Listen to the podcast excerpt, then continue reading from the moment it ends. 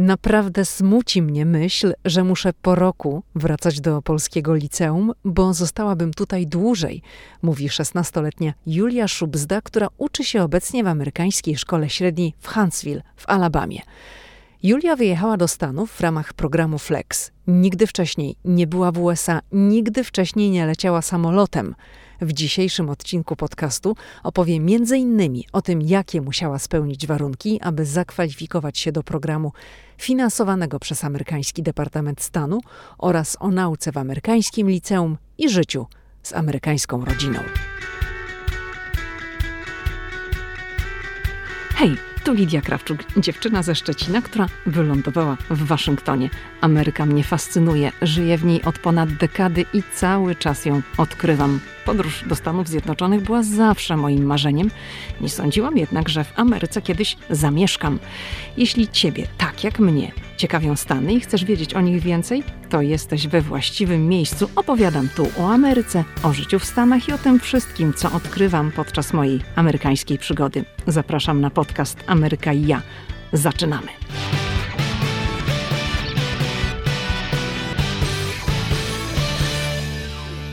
Cześć Julia. Dzień dobry. Powiedz, co robiłaś dzisiaj w szkole? Jakie miałaś zajęcia? Dzisiaj akurat miałam um, kilka z moich ulubionych przedmiotów, między innymi ceramikę i fotografię, ale też coś, czego nie cierpię, czyli matematykę. Poza tym też miałam francuski i później króciutką przerwę na moje kółko. A powiedz, co to jest za szkoła, w której są zajęcia z ceramiki? Gdzie ty się uczysz? To jest amerykańska szkoła średnia. Ty do Stanów przyjechałaś, no, dwa miesiące temu, tak, jeżeli dobrze liczę, całkiem niedawno, i chodzisz do amerykańskiego liceum w Alabamie. Jak się znalazłaś tutaj? Um, to jest bardzo ciekawa historia, dlatego że jestem tutaj tak naprawdę z jednym bardzo ciekawym programem, który się nazywa Flex, czyli programem przyszłych liderów. E, I tak naprawdę dzięki Flexowi tutaj tak na, mogłam przyjechać i poznać, jak to jest żyć w takiej typowej amerykańskiej rodzinie i chodzić do amerykańskiej szkoły, co myślę, że nie każdy w Polsce może doświadczyć, szczególnie w liceum, więc jestem bardzo wdzięczna. Natomiast tak, cieszę się, że jestem, że mogę tu być. Jestem tutaj od trzech miesięcy tak naprawdę już. I ciągle poznaję nowe osoby, ciągle doświadczam nowych rzeczy, więc czuję się cały czas nowa. Więc mam nadzieję, że kiedyś, kiedyś już będę mogła powiedzieć, że czuję się jakbym była prawie Amerykanką. Ale bardzo mi się tutaj podoba. Nie wiem jeszcze, co mogę powiedzieć. To może powiedz, jak to się stało, że zostałaś zakwalifikowana do tego programu, jak się w ogóle o nim dowiedziałaś i jaka była Twoja droga? Z jakiego miasta pochodzisz? Um, ja pochodzę z, tak naprawdę pochodzę ze wsi, ze wsi położonej pod Białymstokiem, więc jest to, można powiedzieć, jest to taka mniejsza mieścina już teraz, bo coraz więcej ludzi tam mieszka, natomiast nie pochodzę z największej, największego miasta w Polsce i tym bardziej jestem szczęśliwa, że udało mi się coś takiego osiągnąć. Natomiast o samym programie dowiedziałam się, i z tym jest bardzo ciekawa historia, dlatego że pamiętam dwa lata temu, jak przyjechał do mnie mój um, wujek, którego też pozdrawiam, i powiedział mi: Słuchaj, Jula, jest taki program dla licealistów, e, żeby wyjechać właśnie za darmo do um, na wymianę do Stanów Zjednoczonych. No i my z moją mamą, jako że ja zawsze byłam tym zainteresowana w jakiś sposób i tym językiem angielskim też się interesowałam i cały czas pogłębiałam swoją wiedzę, um, z moją mamą od razu zaczęłyśmy szukać, co to jest za program jak się dostać i tak dalej, i tak dalej. Więc włączyłyśmy pierwszą stronę, która nam wyskoczyła, tak, że tak bym powiedziała. I poczytałyśmy trochę. Oczywiście świetny program, wszystko jest sponsorowane przez Departament Stanu. I doszłyśmy na koniec, gdzie było napisane, że niestety nie kwalifikuję się do programu, dlatego że jestem za młoda. Ile miałaś wtedy Więc lat? Miałam wtedy um, 15 lat, ale właśnie chodzi o to, że następnego tygodnia wchodzę do szkoły i widzę moją koleżankę, która jest dosłownie pochłonięta przez swój telefon i pisze coś na swoim telefonie, więc oczywiście zapytałam się ją, co takiego pisze. Okazało się, że pisała eseje właśnie na Flexa. No i byłam zdziwiona, bardzo zdziwiona wręcz, dlatego że z tego, co wyczytałyśmy z moją mamą na stronie, obie nie kwalifikowałyśmy się do tego programu. Poczekaj, Flex to jest ten program, do którego ty aplikowałaś, tak? Tak, jest to Future Leaders Exchange Program, czyli program wymiany przyszłych liderów. Mhm. I, I zapytałam się ją, jak to? Nie możemy um, aplikować, dlatego że jesteśmy za młode.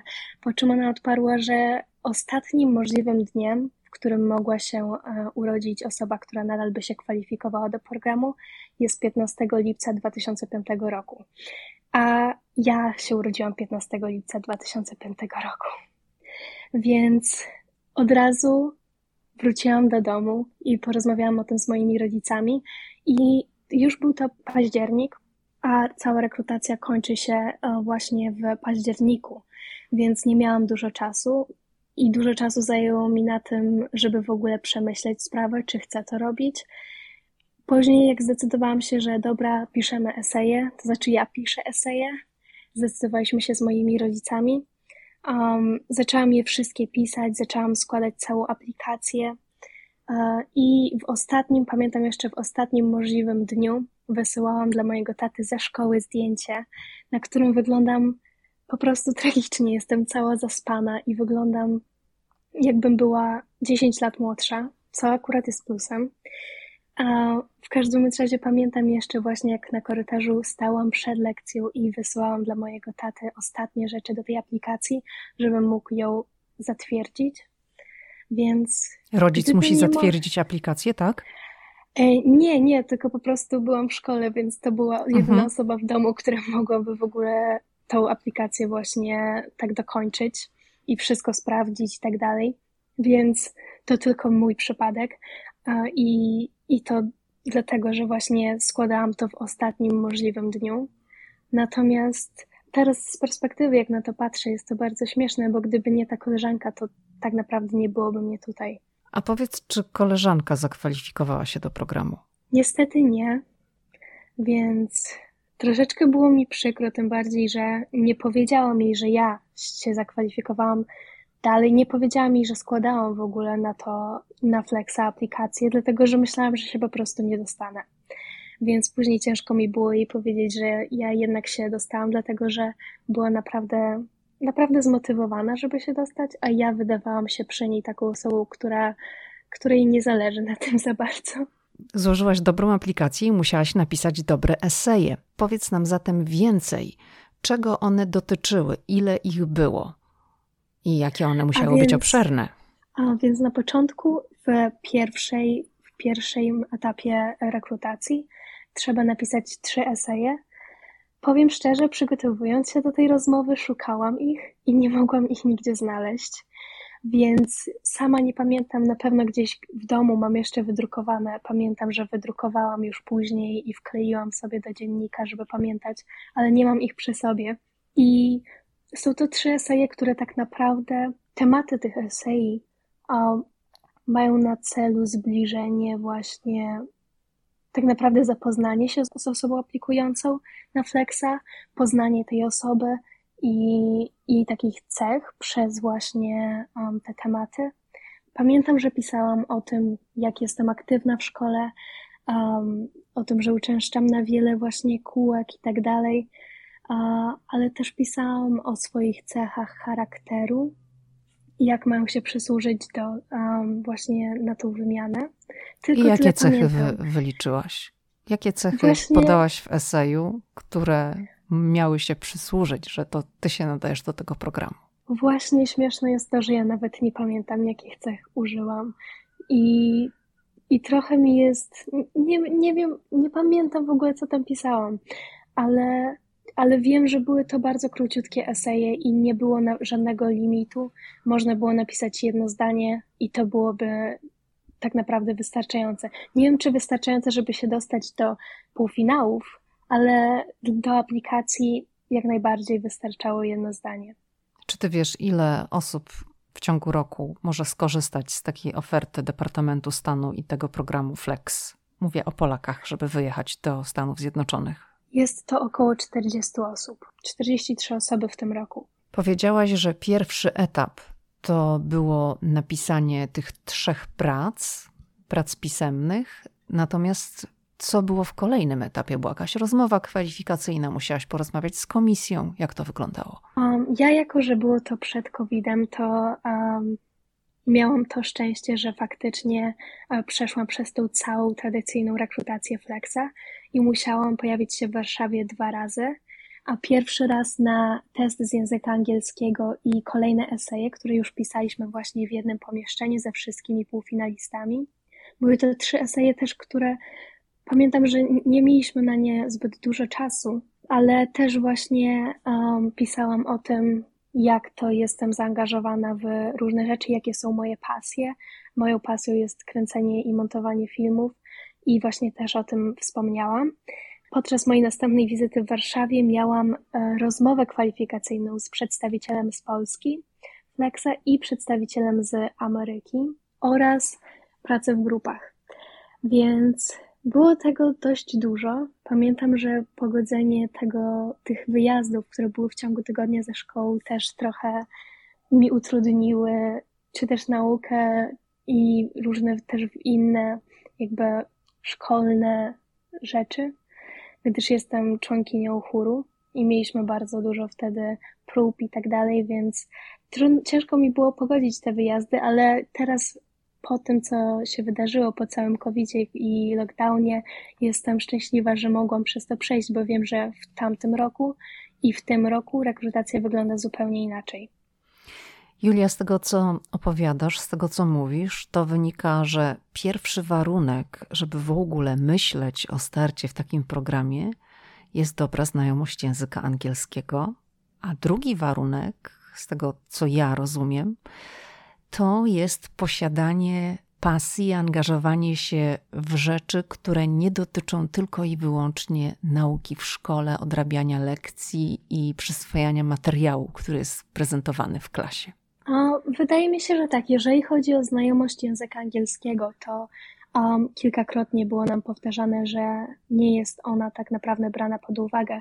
Natomiast ja osobiście myślę, że jednak ten język angielski trzeba przynajmniej w stopniu komunikatywnym znać, żeby napisać na przykład eseje, czy też chociaż trochę użyć no tego angielskiego podczas rozmowy kwalifikacyjnej, chociaż nie jest to obowiązkowe.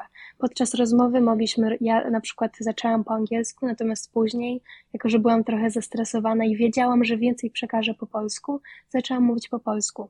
Natomiast mieliśmy też te eseje, mieliśmy test z angielskiego, więc teoretycznie język angielski nie jest brany pod uwagę, ale praktycznie, jeżeli ktoś ma tą większą znajomość języka angielskiego, to będzie mu po prostu łatwiej w procesie rekrutacji. A jeżeli chodzi o aktywność, to tu jakby muszę się zgodzić, dlatego że poznałam wszystkich flexerów i wszyscy byliśmy zaangażowani w coś ponad tylko jakby szkołę. Ja osobiście byłam w kółku francuskim, byłam w chórze, nadal jestem członkinią chóru i tak naprawdę w podstawówce też byłam bardzo aktywna, zawsze wszędzie mnie było pełno, co teraz tak naprawdę mi się przydało. I myślę, że w dużym stopniu przyczyniło się do tego, że się dostałam na Flexa. Powiedz, Jakie są warunki tego programu? To znaczy, mam na myśli, powiedziałaś, że Departament Stanu finansuje w całości pobyt w Stanach Zjednoczonych. Tak. Czy to jest jakieś stypendium, czy dostajesz jakieś kieszonkowe? Ty mieszkasz u amerykańskiej rodziny, czyli ta rodzina zapewnia ci wyżywienie, dach nad głową. Jak to wygląda? A więc jest to program dla uczniów szkół średnich w całości finansowany przez Departament Stanu, czyli Departament Stanu finansuje nam loty, rodzinę i tak dalej, wszystko. Ponadto dostajemy stypendium comiesięczne na własne wydatki. To jest około, ja aktualnie dostaję 125 dolarów, więc jest to kwota właśnie coś około 100 dolarów. I mamy też pulę pieniędzy na cały rok, którą możemy przeznaczyć na właśnie wydatki związane konkretnie ze szkołą, czyli um, opłaty za materiały na lekcje i tak dalej. Sama rodzina musi nam zapewnić łóżko, nawet nie pokój, ale łóżko, w którym e, możemy e, spać i trzy posiłki dziennie. A masz swój pokój, Więc... czy dzielisz go z kimś? Ja mam to szczęście, że mam własny pokój. Do jakiej rodziny trafiłaś? Czy to jest rodzina z dziećmi, czy to są w miarę młodzi ludzie, czy starsi? No powiedz nam coś o tej rodzinie. A, a więc ja trafiłam do takiej typowej amerykańskiej rodziny, wydaje mi się. Mam host mamę i host tatę oraz host siostrę, która jest młodsza ode mnie o 3 lata. I bardzo, bardzo, ale to bardzo jestem wdzięczna za nich, dlatego że wydaje mi się, że właśnie fajna rodzina, która też sprawia, że czuję się jak w domu, tak naprawdę pomaga mi w tym, żeby tutaj przetrwać samej, bo mam tylko 16 lat. I to jest normalne, że tęsknię za Polską, tęsknię za moim domem, a oni sprawiają, że, że zapominam o tym, że jestem cały czas zajęta, coś robimy, wychodzimy, wychodzimy na spacery, jeździmy rowerami, więc nawet nie mam czasu, żeby myśleć o tym, że tęsknię i się jakoś zamartwiać. Czy ta rodzina to jest rodzina, która ma jakieś polskie korzenie? Dlaczego ci ludzie uczestniczą w takim programie i zdecydowali się przyjąć do siebie na rok obcą osobę, dziewczynę z Polski, nastolatkę? Um, a więc w tym roku jest problem ze znalezieniem rodzin dla właśnie exchange students, więc nasi lokalni koordynatorzy szukali nam rodzin w każdym możliwym miejscu, a moja host rodzina dowiedziała się e, o mnie przez tak naprawdę kościół, a wręcz um, siostrę mojej host mamy, która jest zaangażowana w kościele i dowiedziała się, że jest ta polska dziewczyna Julia, która potrzebuje domu. I tak naprawdę szczerze nie wiem, co zadecydowało o tym, że mnie wzięli pod swój dach, bo nigdy mi o tym nie powiedzieli. Moja host rodzina nie jest jedną z tych rodzin, która przyjmuje już kilkakrotnie któregoś tam studenta. Ja jestem ich pierwszym exchange student, więc myślę, że może chcieli spróbować czegoś innego. Wiem, że też moja host siostra nie ma żadnego rodzeństwa, więc możliwe, że chcieli po prostu kogoś, kto byłby jej przyjacielem, który by pomógł w jakiś sposób i też trochę wypełnił dom. Czy taka rodzina, która przyjmuje pod swój dach studenta, ucznia, po polsku mówi się ucznia w ramach tej, w ramach tej wymiany, czy taka rodzina otrzymuje od Departamentu Stanu jakieś wynagrodzenie? Ja nie mówię o dużym wynagrodzeniu, ale to są koszty utrzymania, jedzenia, ty musisz mieć ubezpieczenie zdrowotne i tak dalej. Czy, czy ty w ogóle wie, masz taką wiedzę na ten temat? Szczerze powiedziawszy, um, z tego co Flex nam przekazał, te rodziny nie dostają nic. Są to wolontariusze. Dobrze. To powiedz, jakie miałaś obawy przed wylotem? Bo na pewno jakieś obawy miałaś. Nie byłaś wcześniej w Stanach Zjednoczonych. Czy byłaś? Powiem szczerze, że ja nigdy wcześniej nie latałam samolotem nawet, więc dla mnie to było coś wielkiego i tak naprawdę jeszcze tydzień przed nie zdawałam sobie sprawy z tego, co robię. Nie zdawałam sobie sprawy, że będę na zupełnie innym kontynencie, w zupełnie innym miejscu przez możliwe 10 miesięcy. Więc przez bardzo długi czas nie myślałam o tym, byłam podekscytowana. Ostatnie kilka dni, kiedy byłam w domu, zaczęło do mnie docierać, co, co robię ze swoim życiem i że nie zobaczę mojego brata czy też moich rodziców przez następne 10 miesięcy, nie przytulę się do mojej mamy. I czasami mnie zbierało na nawet na łzy, szczególnie w ostatnią noc w moim domu, ale wydaje mi się, że najbardziej tak naprawdę stresowałam się właśnie tym zaklimatyzowaniem się w rodzinie i zdobyciem przyjaciół w szkole i tak dalej, nawet bardziej niż samym, samą podróżą. Czułaś, że jesteś gotowa na tę podróż, czy to było trochę na zasadzie, no dobrze, zdecydowałam, to jadę, niech się dzieje, wola nieba? To ostatnie dni, ostatnie dni, które spędziłam w domu, zaczęłam się zastanawiać, czy ja faktycznie jestem gotowa. Czy ja faktycznie jestem gotowa pojechać, polecieć sama do Stanów i spędzić tutaj cały rok. w wieku 16 lat, bez rodziny, bez nikogo, tak naprawdę sama. I zaczęłam się wahać, później już było coraz lepiej i wiedziałam, że wiedziałam, że dam sobie radę, bo jak nie ja, to kto. Ale, ale miałam takie momenty zawahania. A jak rodzice? Moi rodzice, przez to, że um, cała wymiana została przełożona o rok, więc tak naprawdę czekałam na ten wyjazd cały rok. Z powodu COVID-u, tak? Moi, tak, z powodu lockdownu, COVID-u i tak dalej.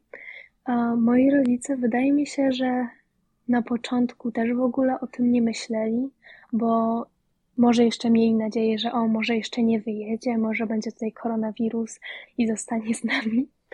Ale wiem, że później na pewno nie mówili mi tego, żeby mnie nie martwić, ale wiem, że moja mama na przykład się martwiła tą całą podróżą i było to widać, nawet jeżeli nie, nigdy mi tego nie powiedziała. Więc myślę, że to normalne, że martwili się, że ich 16-letnia córka wyjeżdża tak nagle i tak daleko. Julia, wylądowałaś w Alabamie, w Ameryce. Pierwszy lot samolotem, pierwsza podróż do Stanów Zjednoczonych. Przeszłaś odprawę, usłyszałaś Welcome to United States. I jakie było Twoje pierwsze wrażenie? Pierwsze wrażenie miałam dopiero jak już wyjechaliśmy z lotniska, bo na lotnisku jeszcze wszędzie słyszałam polski, wszędzie byli flekserzy, nawet ogłoszenia były po polsku, jak przechodziliśmy przez odprawę.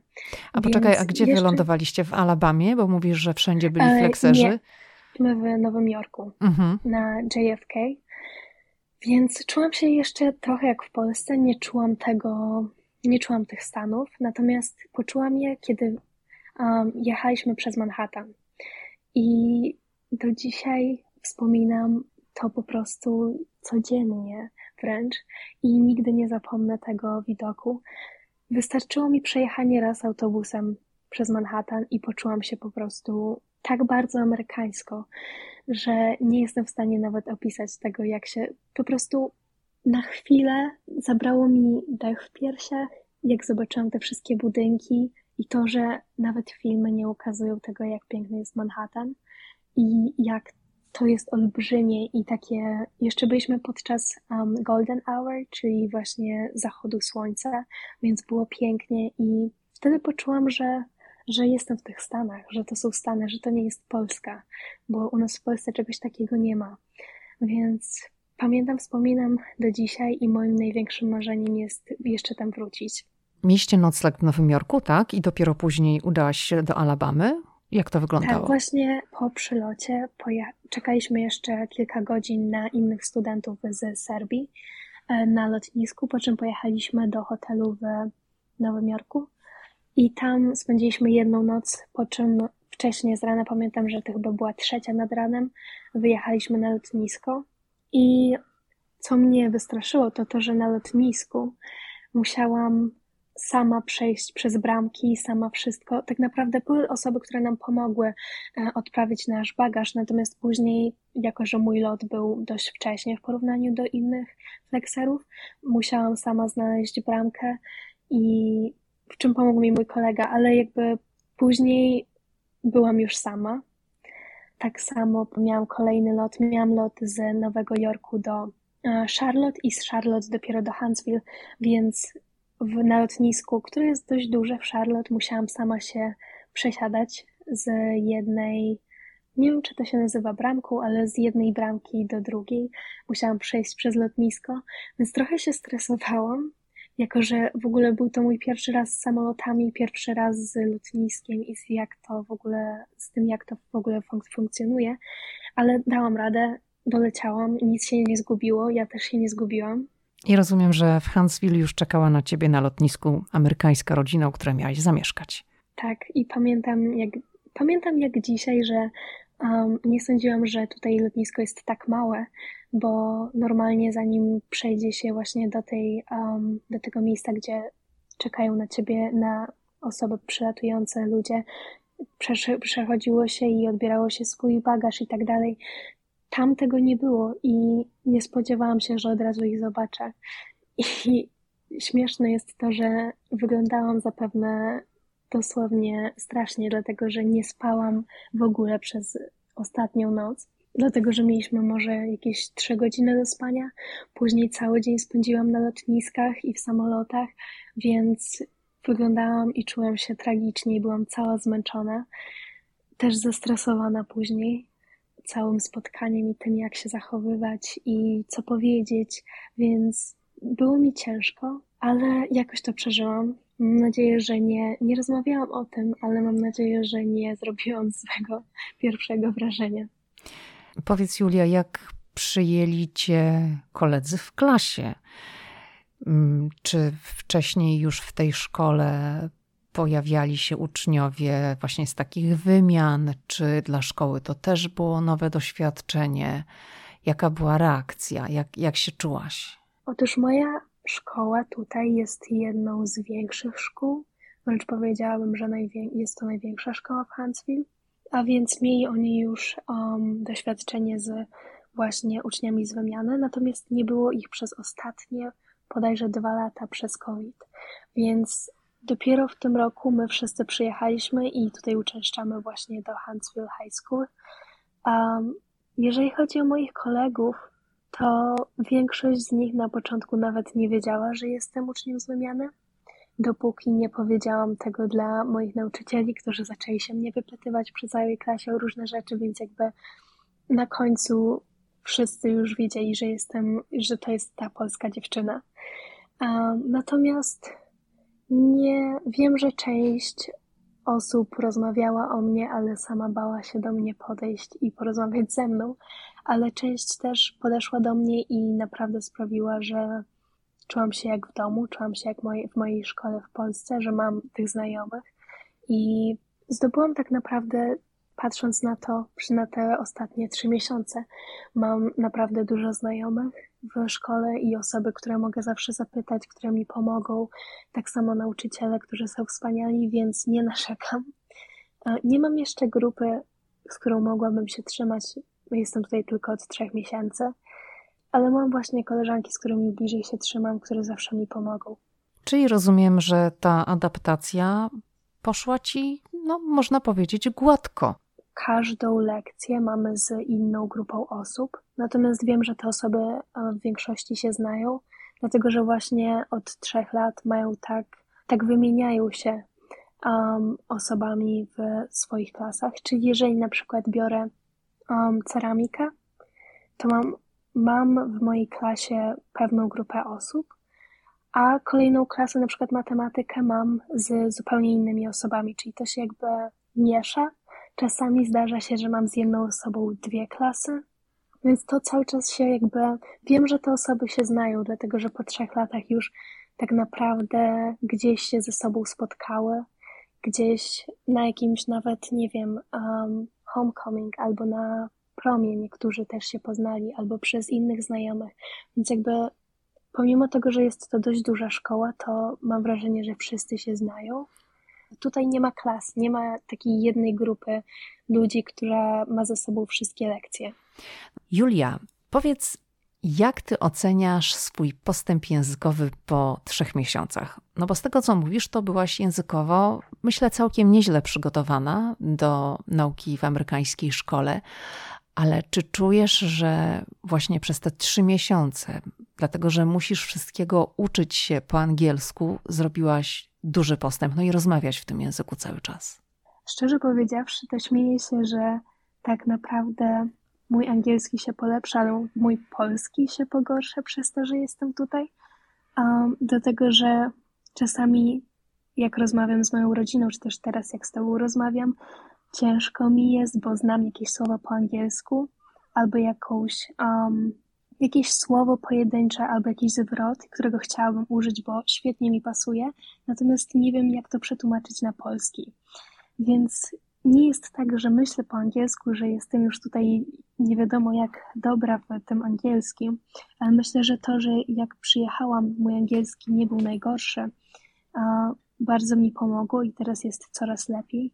Czasami na przykład um, łapię się na tym, że myślę po angielsku szczególnie podczas lekcji, która wymaga ode mnie dużo i muszę słuchać cały czas, bo mam też luźniejsze lekcje, ale mam też takie lekcje, na których muszę cały czas być aktywna i aktywnie myśleć i nad tematem.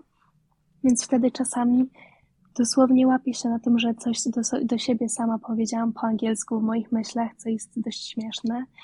Um, ale jeżeli chodzi o mówienie, myślę, że bardzo się otworzyłam, dlatego że w Polsce tak naprawdę nie mamy gdzie używać języka angielskiego. Tutaj cały czas muszę go używać. Czasami jest już mi ciężko. Pamiętam, że dwa pierwsze tygodnie były strasznie ciężkie, jeżeli chodzi o angielski.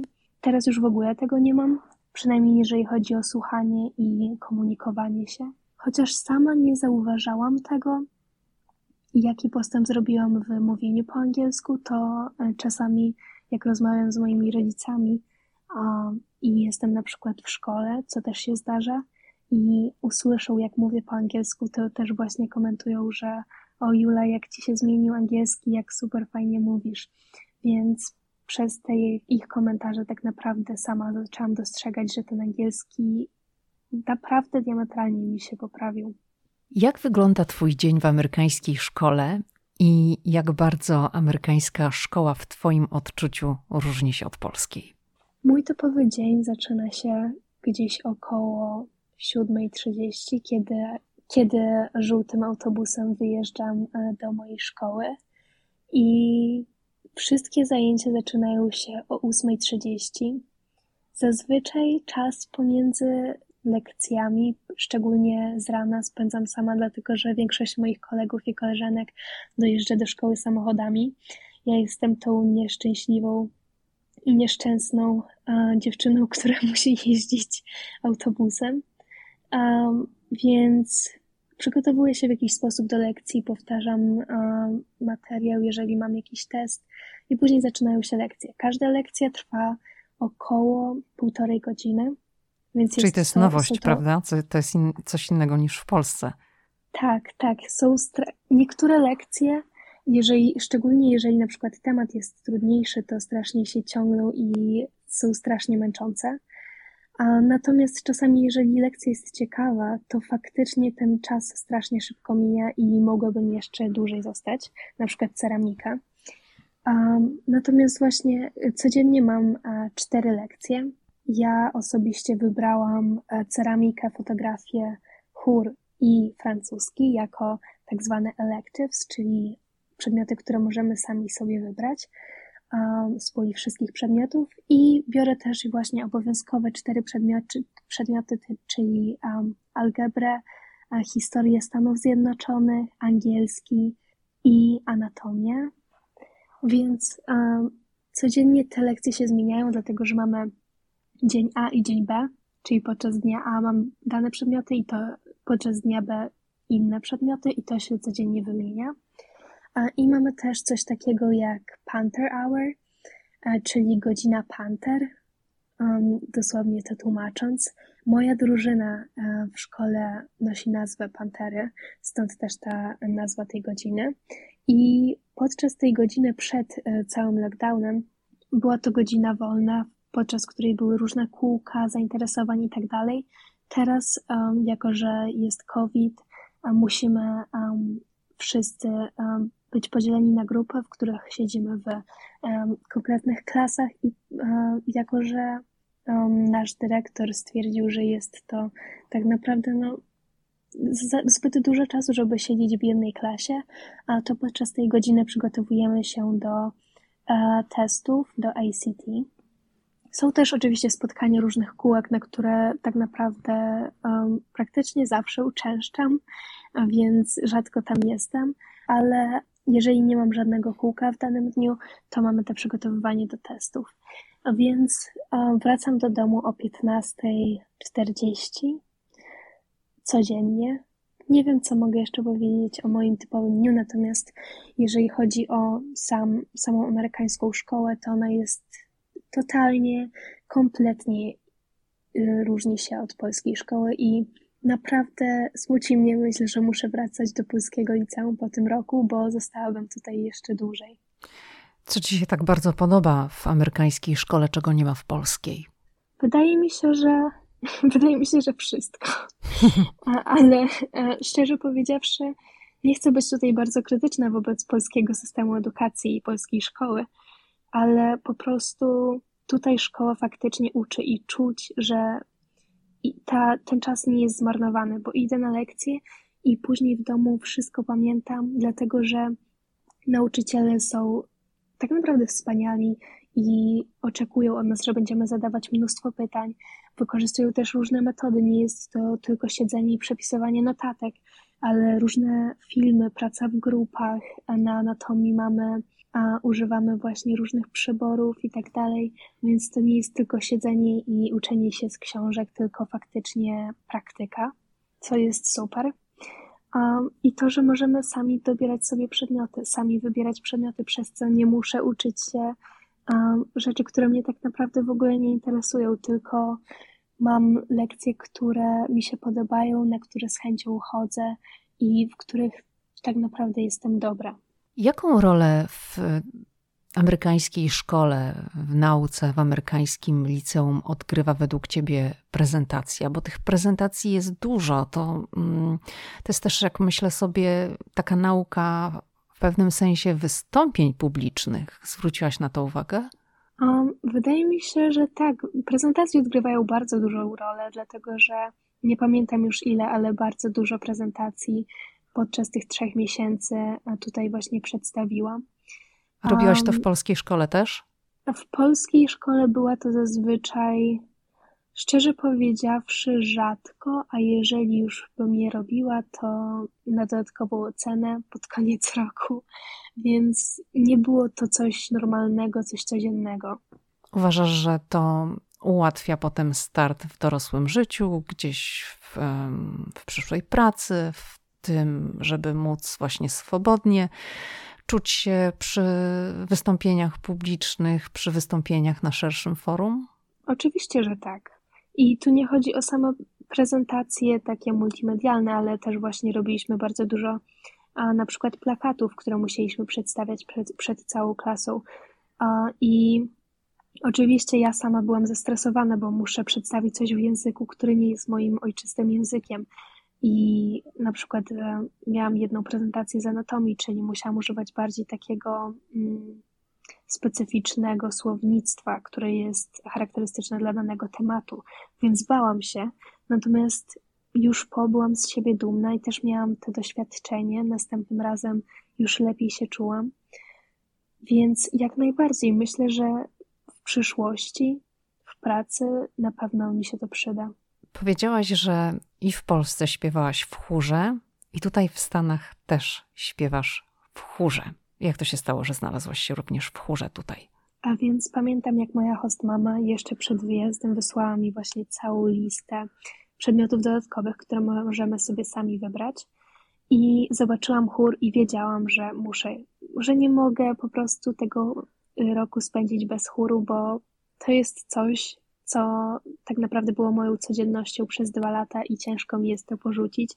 A jako, że nie mogę być nadal z moim chórem przez ten rok, to stwierdziłam, że jako, jako tą lekcję, to nawet nie są dodatkowe zajęcia, tylko właśnie jako lekcję mam chór i mogę robić to, co kocham. Podczas pobytu w szkole nie muszę zostawać po lekcjach, żeby, żeby właśnie robić coś, co faktycznie mnie interesuje. Julia, czy było jakieś rozczarowanie w amerykańskiej szkole? Um, otóż pamiętam właśnie, że na po samym początku um, poznałam grupę bardzo miłych osób, dziewczyn, z którymi tak naprawdę do dzisiaj mam kontakt i czasami powiem im cześć na korytarzu. Natomiast um, trzymałam się z nimi bardzo, bardzo mocno podczas tych pierwszych tygodni w szkole po czym przeszło do pierwszego meczu i zostałam przez nie wystawiona. Tak naprawdę był to jedyny wieczór, w którym źle się czułam i wręcz zbierało mnie na płacz, dlatego że. Ale co tak to naprawdę... znaczy, że cię wystawiły? Umówiłyście się i one nie przyszły, czy. Um, po prostu widziałam, że odczytują moje wiadomości i nic mi nie odpisywały, a ja byłam sama, nie znałam jeszcze wtedy właśnie wielu osób, więc byłam dość załamana, dlatego że byłam sama na tym meczu, nie miałam tak naprawdę nikogo. E, I stałam, stałam prawie już, chciałam już pisać do moich rodziców, żeby mnie e, odebrali z tego meczu, dlatego że no, nie chciało mi się już tam e, tak naprawdę być. Po czym kolega z mojej klasy, z którym tak naprawdę nie miałam aż tak dobrego um, kontaktu, podszedł do mnie i zapytał się właśnie, dlaczego stoję sama. I zapoznał mnie z naprawdę wspaniałą grupą jego znajomych i jedną dziewczyną, która pamiętam, że ten wieczór diametralnie się zmienił, nagle z takiego smutnego e, i rozczarowującego zmienił się w taki pełen zabawy. Staliśmy, krzyczeliśmy, biegaliśmy po boisku, więc było świetnie. Do dzisiaj tak naprawdę trzymam się z, tą, z tą grupą osób, a przez nich też poznałam inne osoby z mojej szkoły i tak naprawdę od tego wszystko się zaczęło i zaczęłam poszerzać moje znajomości. I przez ten jeden wieczór, w którym myślałam, że tak naprawdę gorzej czuć się nie mogę, poznałam mnóstwo osób. A pomyślałaś sobie wtedy, że te koleżanki ze szkoły, które cię wystawiły, to jest właśnie taki przykład, wiesz co, z tych wszystkich seriali amerykańskich znamy, ich nastolatek takich złośliwych, gdzie tam mają swoje grupki i no nie są zawsze miłe dla innych. Pomyślałaś, że to jest właśnie tak jak w serialu? Właśnie rzecz leży w tym, że to nie jest grupa takich dziewczyn. To jest grupa dziewczyn, które były naprawdę dla mnie miłe. Dlatego też byłam jeszcze bardziej rozczarowana, bo były dla mnie miłe i nie wydawały się, wydawały się takie bardzo spokojne i wiem, że są spokojne, więc nie wiem dlaczego to się wydarzyło. Do A dzisiaj. pytałaś? Nawet nie zapytałam, bo po prostu rozmawiałam później z jedną z nich a po tym całym wydarzeniu i nic z tego nie wyszło, nic mi nie odpowiedziała, więc trochę porzuciłam temat, bo właśnie poznałam mnóstwo innych osób i byłam tak naprawdę szczęśliwa, że mogłam mnie poznać. Więc tak naprawdę dzisiaj jestem wdzięczna za to, że mnie wystawiły, bo poznałam mnóstwo osób podczas tego jednego wieczoru. Chciałabym, żebyśmy porozmawiały trochę o życiu w amerykańskiej rodzinie. Powiedz, Julia, czy jak zaczęłaś no, uczestniczyć w takim życiu domowym. Sama powiedziałaś, że to jest typowa amerykańska rodzina, to coś się tam zaskoczyło. Nie wiem, na przykład kanapka z dżemem i z masłem orzechowym, jakieś nawyki. Co było dla ciebie takim, no może kulturowym szokiem? Szczerze powiedziawszy, co mnie zaskoczyło, to to, że moja hostrodzina jest bardzo podobna do mojej rodziny polskiej, więc nie sądziłam, że nie sądziłam, że będzie tyle tak naprawdę podobieństw, jeżeli chodzi o na przykład jedzenie, bo nie spróbowałam jeszcze właśnie takiej typowej amerykańskiej kanapki, dlatego że moja rodzina nie odżywia się w ten sposób. A wiem, że inni flekserzy mają to szczęście, że trafili do rodzin, które e, jedzą naprawdę amerykańsko, więc ja nie jestem w takiej rodzinie. Jak się odżywia Twoja rodzina? Moja rodzina odżywia się zdrowo. Jemy bardzo dużo warzyw, um, więc jest to bardzo podobne do tego, jak odżywiałam się w Polsce, z czego jak najbardziej się cieszę. Czy nie złapałaś dodatkowych kilogramów jeszcze? A, to, że tak naprawdę powiem szczerze, że nie ważę się, więc nie wiem, ale wydaje mi się, że um, problem jest taki w Stanach, że nawet w zdrowych rzeczach, nawet zdrowe rzeczy są bardziej przetworzone niż te europejskie produkty. Czyli czujesz tego, po obwodach. Czuję po obwodach, dokładnie. tak, no, wiem. Mhm. Ale przynajmniej jem warzywa, e, piję dużo wody, więc mam nadzieję, że może jak później wrócę do Polski, to wrócę do normalnego trybu życia i normalnego odżywiania się. To pozostańmy jeszcze przy tych amerykańskich rytuałach i życiu w amerykańskiej rodzinie. Mm, powiedziałaś, że to życie jest podobne do tego, jakie prowadziłaś w Polsce ze swoją rodziną. Mm, no to co robicie w czasie wolnym? Więc moją rodziną zazwyczaj w czasie wolnym zależy to od pogody i innych czynników, natomiast bardzo często wychodziliśmy na spacery. Mamy obok właśnie trasę rowerową, więc wychodziliśmy też na rowery bardzo aktywnie spędzaliśmy czas, szczególnie dlatego, że przez ostatnie trzy miesiące była piękna pogoda w Alabamie i było naprawdę cieplutko, co niestety w tym tygodniu się zmieniło i nad czym dosłownie ubolewam, bo czuję się teraz jak w domu, naprawdę jest tak zimno jak w Polsce. A, natomiast pogoda przez bardzo długi czas była piękna, więc szkoda było spędzać ten czas w domu. Jakie masz plany na życie po Ameryce? Bo spędzisz tutaj po prostu rok, ucząc się w amerykańskim liceum, i po tym roku musisz wyjechać. Ale z tego, co mówisz, no to Ameryka ci przypadła do gustu, przypadł ci ten amerykański system edukacji, leży ci na sercu, podoba ci się. Co ty chcesz robić po tym roku? Musisz wrócić do swojego liceum. Ale co potem? Więc nad tym pytaniem myślę, że będę jeszcze się zastanawiała przez ten cały rok i dałam sobie ten rok, żeby właśnie odkryć to, co lubię i co chcę robić w przyszłości. Jeżeli chodzi o Stany, bardzo mi się podobają jako miejsce tak naprawdę na zamieszkanie na rok, na dwa, ale nie wiem, czy chciałabym tutaj zostać na całe życie. A jeżeli skończyłabym tutaj studia, no to tak naprawdę nie widzę innego wyjścia gdyż nie są one honorowane w Europie. Więc jak na razie ograniczam się do Europy. Może nie do Polski, dlatego że nie sprzyja mi wizja chodzenia do, do polskiej szkoły przez następne kilka lat. Przemęczę się przez te dwa lata w liceum i, i myślałam nad innymi, innymi krajami właśnie w Europie, które są trochę bliżej, bo jednak tęsknię za Polską, nawet nie za moją rodziną, ale za samym krajem i chciałbym mieć, chciałbym mieć taką pracę, która umożliwi mi właśnie podróżowanie i też taką pracę, która umożliwi mi powrót do Polski i um, może zamieszkanie tam kiedyś. Nie chciałabym, żeby moje dzieci, jeżeli w przyszłości będę jakieś miała, um, chodziły do polskiej szkoły i teraz przynajmniej z doświadczenia, no bo już wiem, jak wyglądają też szkoły w innych krajach, na przykład tutaj w Stanach. Wiem, że są szkoły, w których faktycznie czu, nie czuć tego stresu, można robić to, co się lubi i ta szkoła jest interesująca tak bardzo, że chce się do niej chodzić codziennie. Więc chciałbym, żeby moje dzieci też miały właśnie taką satysfakcję schodzenia do szkoły, żeby to nie był tylko obowiązek, żeby to był taki bardziej przyjemny obowiązek.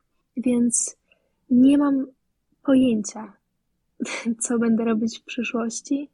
Wiem, że wiem, że chciałabym mieć właśnie pracę, która umożliwi mi podróżowanie, poznawanie nowych ludzi, bo to jest to, co lubię. Ja sobie tak pomyślałam przez moment o medycynie, bo wybrałaś anatomię. To tak gdzieś mi w głowie zapaliła się taka lampka, że o, to może Julia myśli o medycynie. Myślałam i nawet w pierwszej um, aplikacji, w liście do host rodziny, gdzieś tam na końcu zawarłam właśnie to, że w przyszłości chciałabym być um, chirurgiem plastycznym. Ale to był czas lockdownu, to był czas, kiedy oglądałam um, chirurgów i za dużo się chirurgów naoglądałam. I jakoś ta wizja mi, nie wiem, nie chcę mówić nie, dlatego że coś mi się zmienia tak naprawdę teraz co miesiąc, nawet co tydzień zmienia mi się to, co chciałabym robić w przyszłości, ale nie sądzę, żeby to było coś dla mnie. A dlaczego chirurgia plastyczna? Nie mam pojęcia. Nie mam pojęcia sama, nie, do dzisiaj nie wiem.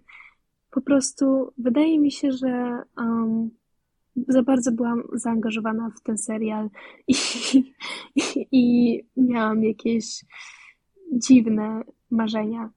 To znaczy, może nie dziwne, tylko um, takie teraz, jak spoglądam z perspektywy, um, takie dość dziwne jakieś myśli i marzenia.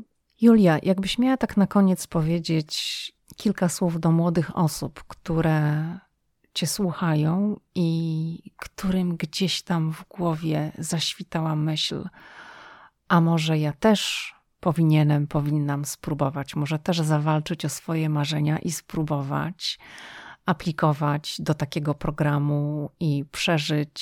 No myślę, że to będzie szalony rok dla ciebie w Stanach Zjednoczonych. To jest dopiero początek i przed tobą jeszcze masę doświadczeń i przygód. Co byś powiedziała takim osobom?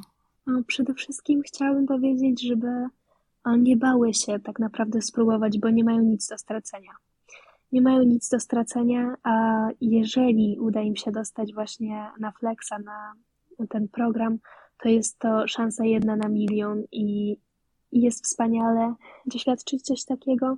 Nie każdy ma możliwość właśnie dostać się na taki program i przeżyć tą wymianę, więc jeżeli kogoś faktycznie interesuje ten temat, to po prostu spróbować. Nic nie szkodzi i mam, trzymam kciuki za wszystkich, którzy, którzy właśnie będą aplikować już w następnym roku, bo w tym roku pierwszy etap rekrutacji już się skończył. A natomiast co jeżeli faktycznie możesz się dostać? Trzeba spróbować i ja sama nie myślałam, że się dostanę, a mile się zaskoczyłam. Posłuchajcie zatem rad Julii i to, co ja od razu też tutaj wychwyciłam z tej rozmowy, z tego, co Julia powiedziała wcześniej, angażujcie się w różne rzeczy pozalekcyjne, prawda? Tak, jak najbardziej. Julia, bardzo dziękuję Ci za rozmowę. No i życzę Ci, byś spełniała ten swój American Dream. On jest określony w czasie, ale myślę, że no przez długi czas to będzie Twoja największa przygoda. Nie chcę powiedzieć, że przygoda życia, bo życzę Ci wielu innych różnych przygód, natomiast na tym etapie zapewne taki status ta Twoja amerykańska podróż ma. Bardzo Ci dziękuję. Dziękuję również za możliwość rozmowy z Tobą. Dzięki. Wszystkiego dobrego.